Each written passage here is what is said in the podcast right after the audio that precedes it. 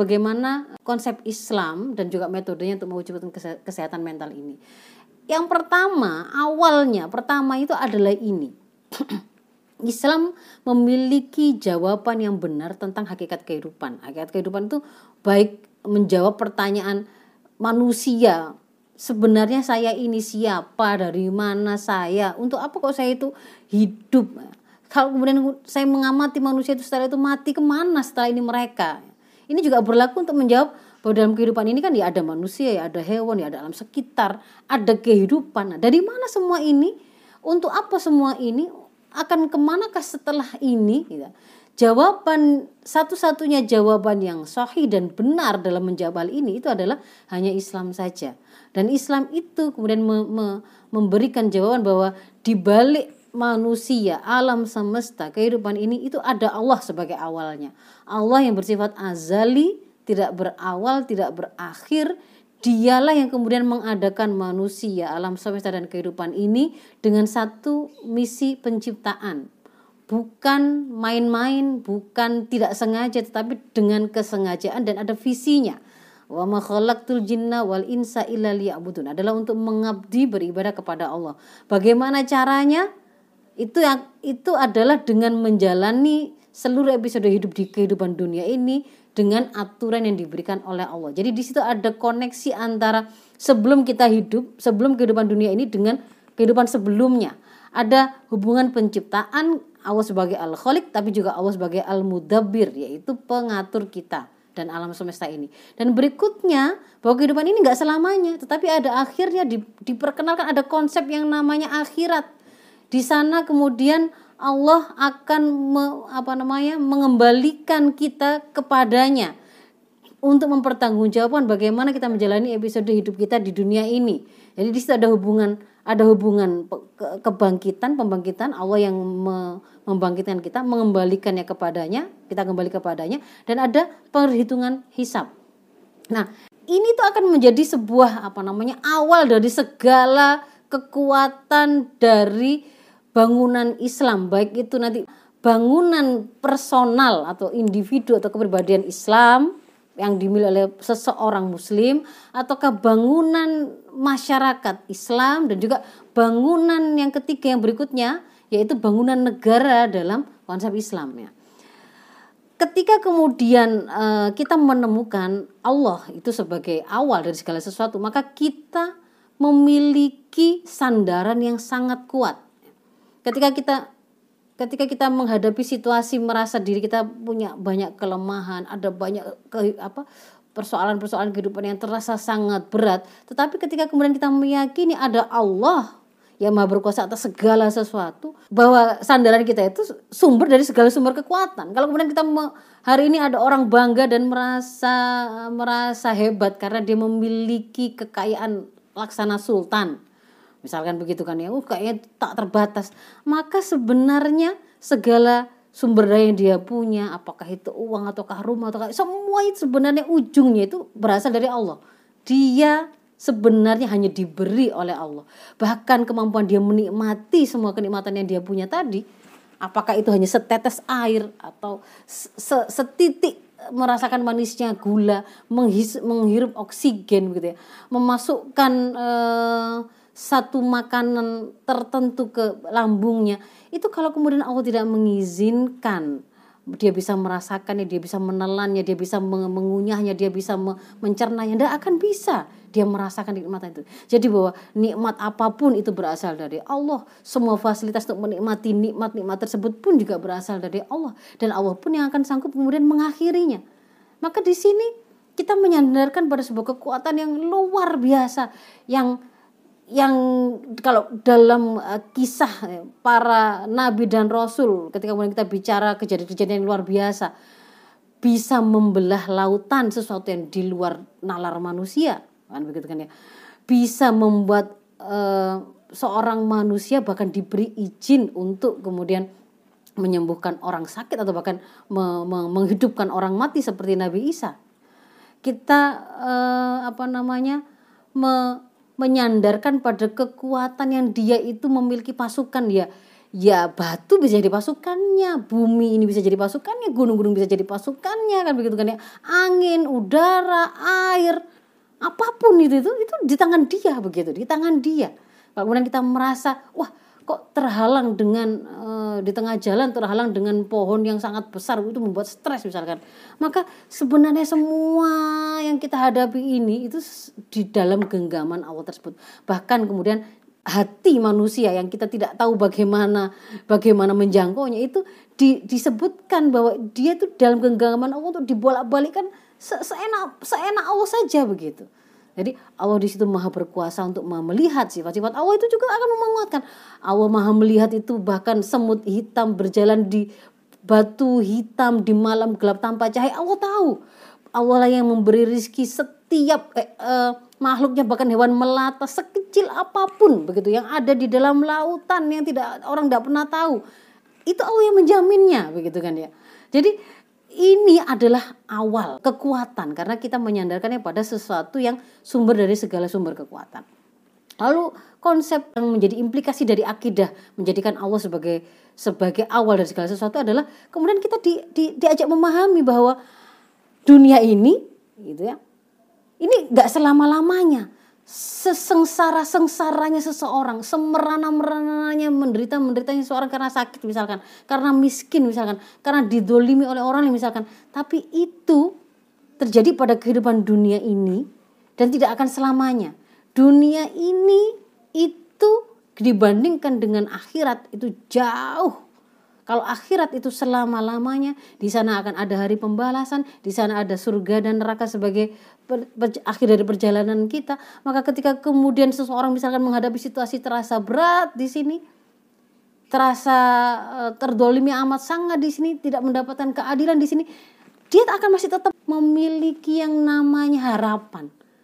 Dia tetap memiliki harapan. Ada Allah yang melihatnya, ada Allah yang mau menolongnya, ada Allah yang mau berkuasa untuk menggerakkan apa pun ada Allah yang kemudian ketika Allah me, me, misalkan meminta dia bersabar akan memberikan imbalan yang luar biasa begitu kan ya? Itu kemudian membuat misalkan Sumayyah dan keluarganya uh, keluarga Yasir yang bapaknya Yasir ibunya Sumayyah para syahid uh, Sumayyah adalah syahidah pertama di di sejarah Islam. Itu kan ketika kemudian disiksa luar biasa seperti oleh oleh orang-orang kafir musyrik Mekah Rasul mengatakan bersabarlah wahai keluarga Yasir karena surga menanti kalian. Maka kemudian itu sudah cukup buat kami cukup kuat. Iya Rasul, surga itu saya lihat Rasul. Benar-benar dia bisa melihat bahwa itu yang kemudian akan membuat mereka itu memiliki kekuatan yang bahkan akan menempuh apa namanya menempuh kesulitan apa pun ketika itu diberitakan oleh Allah kita melihat bagaimana misalkan kisah uh, Muhammad Al-Fatih misalkan begitu kan ya. Bahkan ketika merasa bahwa oh, diperintahkan oleh Allah untuk membebaskan Konstantinopel dan dikatakan dan disifati itu adalah pasukan terbaik dan pemimpin terbaik begitu kan ya. Maka ketika menghadapi kesulitan yang luar biasa, ada kapal tidak bisa menyeberang begitu kan ya. Normalnya manusia itu secara kognitifnya kapal itu berjalannya di laut. Maka karena dorongan iman ini, karena dorongan ingin taat kepada Allah ini, karena dorongan mendapatkan imbalan dari Allah tadi, itu kemudian uh, Muhammad Al-Fatih bahkan bisa membuat kapal-kapal yang jumlahnya puluhan itu berjalan mendaki bukit. Begitu kan ya? Mendaki bukit dalam semalam. Luar biasa. Jadi ini ada banyak sekali kemudian. Misalkan juga uh, perang Hondak gitu Bagaimana kemudian mereka membuat parit se sejauh 8 kilo dalamnya 3 apa 8 meter lebarnya 3 meter padahal kalau ibu-ibu tahu me, apa namanya menggali tanah di Mekah itu itu itu batu kalau hari ini kan kalau mau membangun rumah kan mereka pakai peledak gitu tapi itu kemudian digali gitu. Dari mana kekuatan itu? Ya dari karena ada kekuatan iman ini begitu. Bahkan pada saat yang sulit seperti itu kemudian Rasul menyampaikan ada yang bertanya mana yang kemudian kita bebaskan terlebih dahulu Konstantinopel ataukah Rom? Itu situasi yang luar biasa bahkan orang munafik pada saat yang sama dia kemudian menertawakan mereka menertawakan situasi kayak gini beratnya kamu sedang menghadapi kepungan pasukan azab yang berkoalisi luar biasa banyaknya kalian bahkan membuat parit saja kesulitan kepanasan kelaparan bicara tentang membebaskan Konstantinopel dan Romawi. Apa kekuatan yang mereka punya? Bukan kekuatan fisik, bukan kemudian kekuatan persenjataan atau peralatan, tapi di situ yang utama adalah karena ada kekuatan iman. Kemudian juga hal lain lagi tentang akidah ini adalah kita kemudian di, diajak untuk memiliki pemahaman yang benar. Tidak semua peristiwa itu dalam tanggung jawab kita. Tidak semua peristiwa yang kita alami yang terjadi atas diri kita di dalam kehidupan kita itu adalah kesalahan kita atau ada andil kita di situ. Ada konsep kodok yang itu merupakan ketetapan Allah. Tidak ada ikhtiar manusia di situ, tidak ada peran akal manusia di situ, sehingga manusia tidak akan diminta pertanggungjawaban di situ. Terlahir sebagai seseorang dengan beras apa, bersuku apa, kenapa kulitmu kok hitam putih, itu tidak akan ditanya, tidak akan dihisap. Dan seseorang tidak akan dibikin stres gara-gara itu. Kalau hari ini kan itu dikonsepkan sebagai di antara hal yang akan membuat stres dari faktor internal. Kok saya kok kulitnya kok hitam kok nggak secantik ini kan begitu.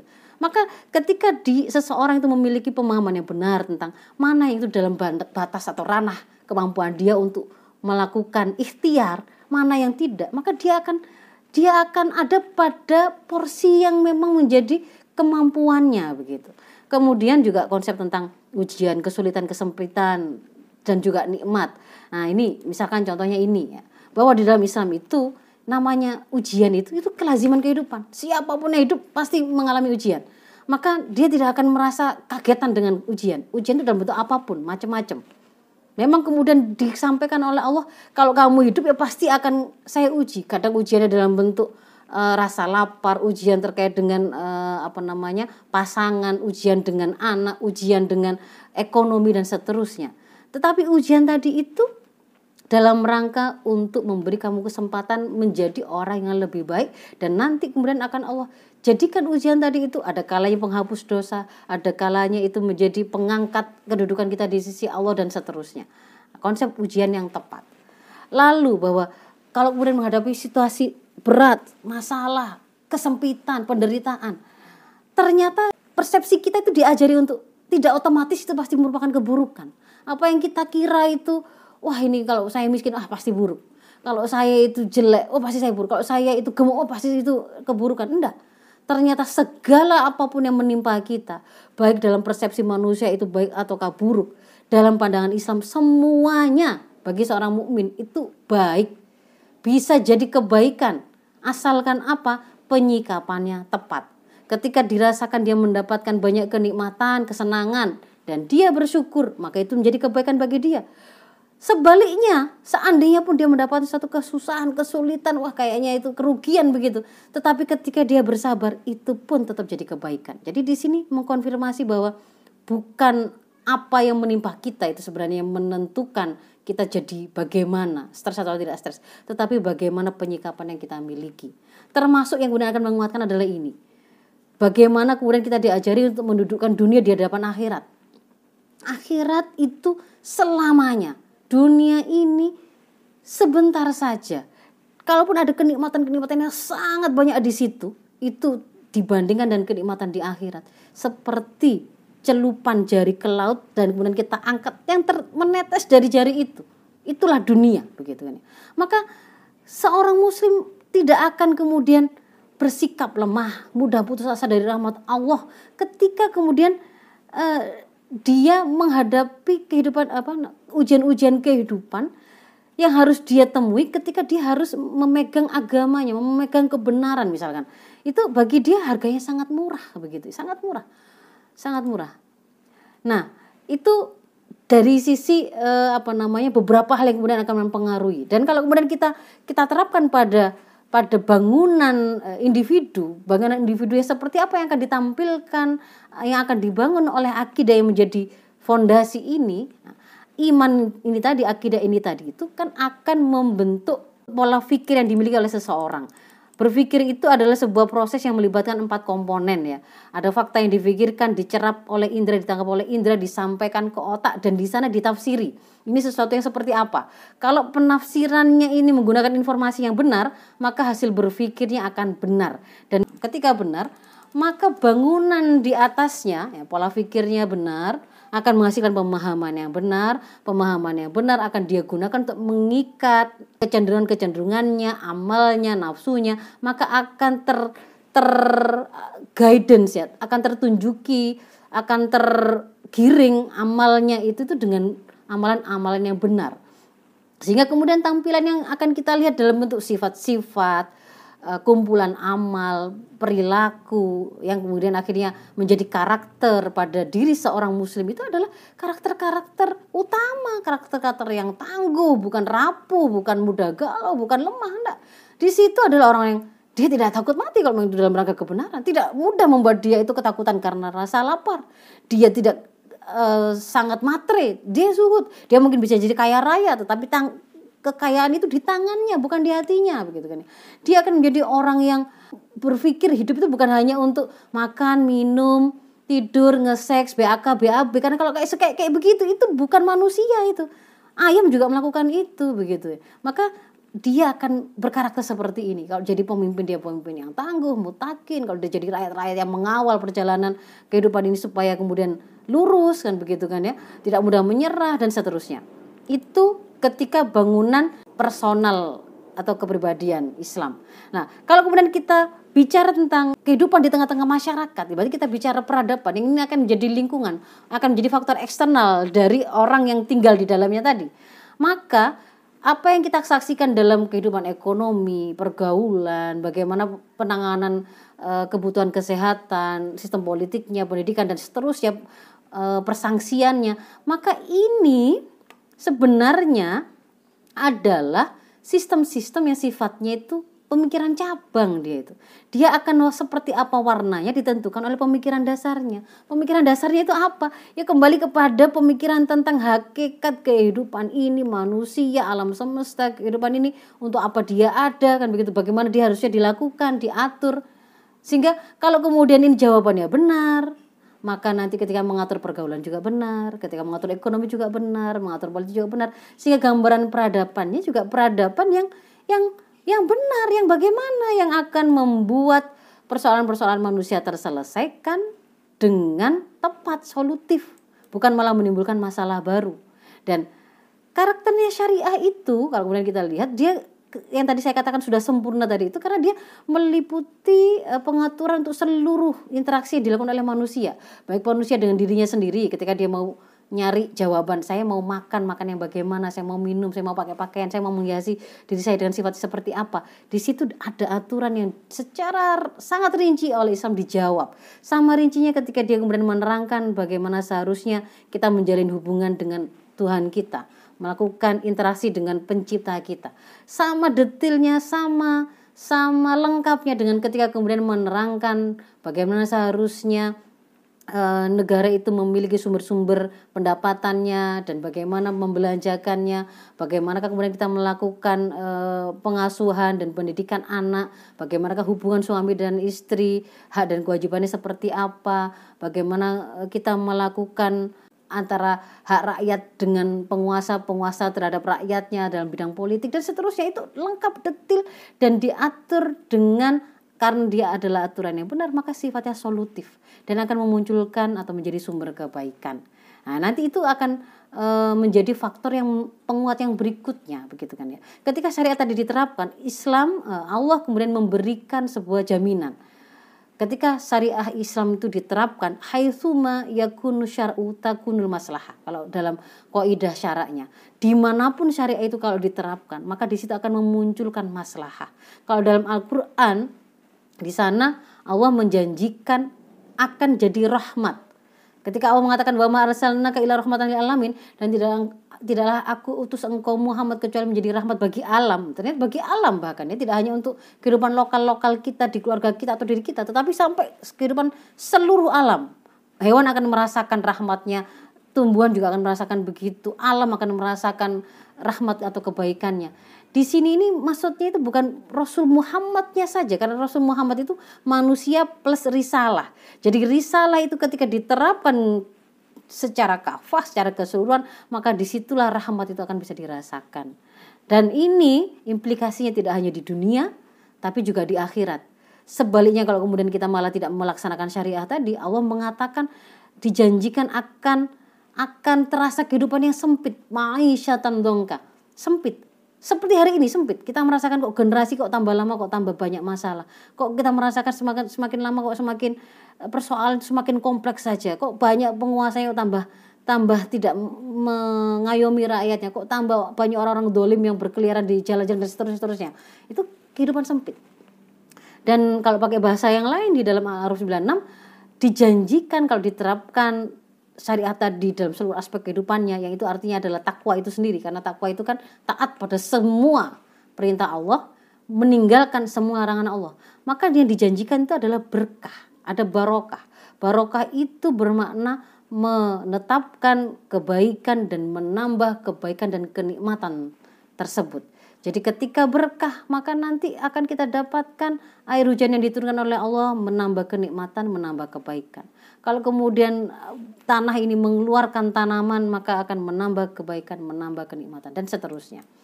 Nah, kalau pakai konsep dalam konsep syariah itu ketika Islam diterapkan secara kafah maka di situ akan menjamin terpenuhinya kebutuhan dasar manusia, terpeliharanya jiwa, terpeliharanya akal, terpeliharanya keturunan, terpeliharanya harta, terpeliharanya agama, bahkan terpeliharanya negara bahkan.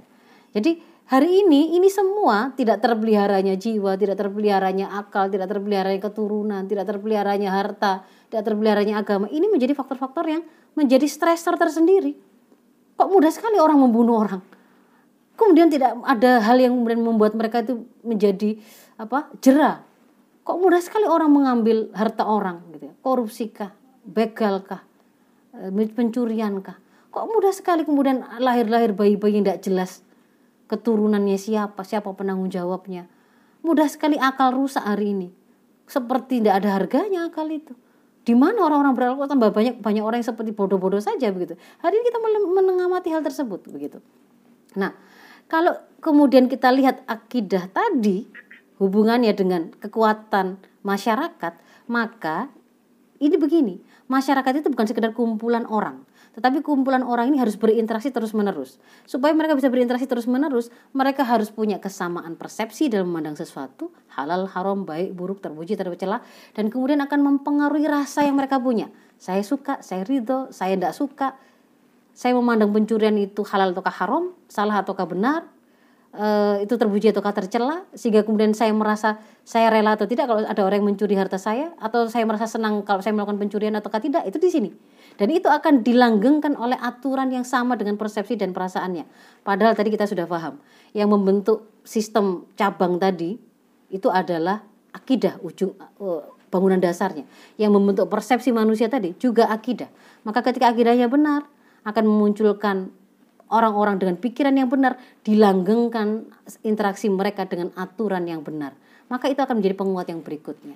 Nah maka di tengah-tengah masyarakat itu kita lihat masyarakat Islam itu bukan masyarakat yang yang saling menegasikan yang cuek satu sama lain eh, kemudian bahkan berpikir bagaimana merusak untuk kepentingan dirinya sendiri enggak. Tetapi yang ada itu adalah karena dorongan iman kita diajari kita harus memiliki kepedulian pada orang lain. Mereka laksana satu tubuh. Bahkan ada konsep namanya uhwa islamiyah ada konsep namanya isar. Isar itu mendahulukan orang lain yang kemudian lebih membutuhkan gitu ya. Seperti kisahnya sahabat yang kemudian menjamu tamunya dan dia hanya berpura-pura ikut makan dengan mematikan lampu karena ingin mendahulukan tamunya.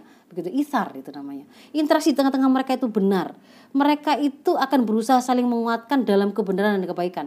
Karena ada perintah ini amar ma'ruf nahi mungkar. Dan ini hanya ada di tengah-tengah masyarakat Islam. Maka kondisi masyarakat yang kuat dan menguatkan tadi itu adalah penguat yang berikutnya. Dan yang ketiga ini adalah uh, para penguasa di dalam Islam itu diperintahkan memiliki karakter ro'in. Ro'in itu pemelihara urusan rakyat yang benar-benar ngeramut, benar-benar memelihara dengan sebaik-baik pemeliharaan. Dan dia juga menjadi junah. Al-imamu ro'in wa, wa huwa mas'ulun an ro'iyati. Dan dia juga ibaratnya junah atau perisai yang di belakangnya umat itu akan berlindung dari hal yang merusaknya. Maka di sini ini akan menjadi hal yang menguatkan berikutnya karena dia menjadi penerap aturan atau kebijakan yang benar dia orang yang terpercaya dia orang yang bertakwa maka pertemuan antara orang yang berkualitas eh, pemimpin yang bertakwa dan kebijakan yang benar itu akan membuat negara ini melahirkan kebijakan-kebijakan yang akan menguatkan. Ada interaksi antara individu yang bertakwa, masyarakat yang kondusif ya. Dan kemudian kebijakan negara itu akan membuat kita semua ini eh, ada dalam keadaan senantiasa dijaga kesehatan dan kekuatannya. Maka Islam mewujudkan individu yang tangguh, masyarakat yang kuat menguatkan, negara penegak peradaban terbaik. Maka imunitas masing-masing orang maupun secara komunal itu akan terbangun dengan sempurna. Oh alam bisawab, afu minkum hidina mustaqim. Assalamualaikum warahmatullahi wabarakatuh.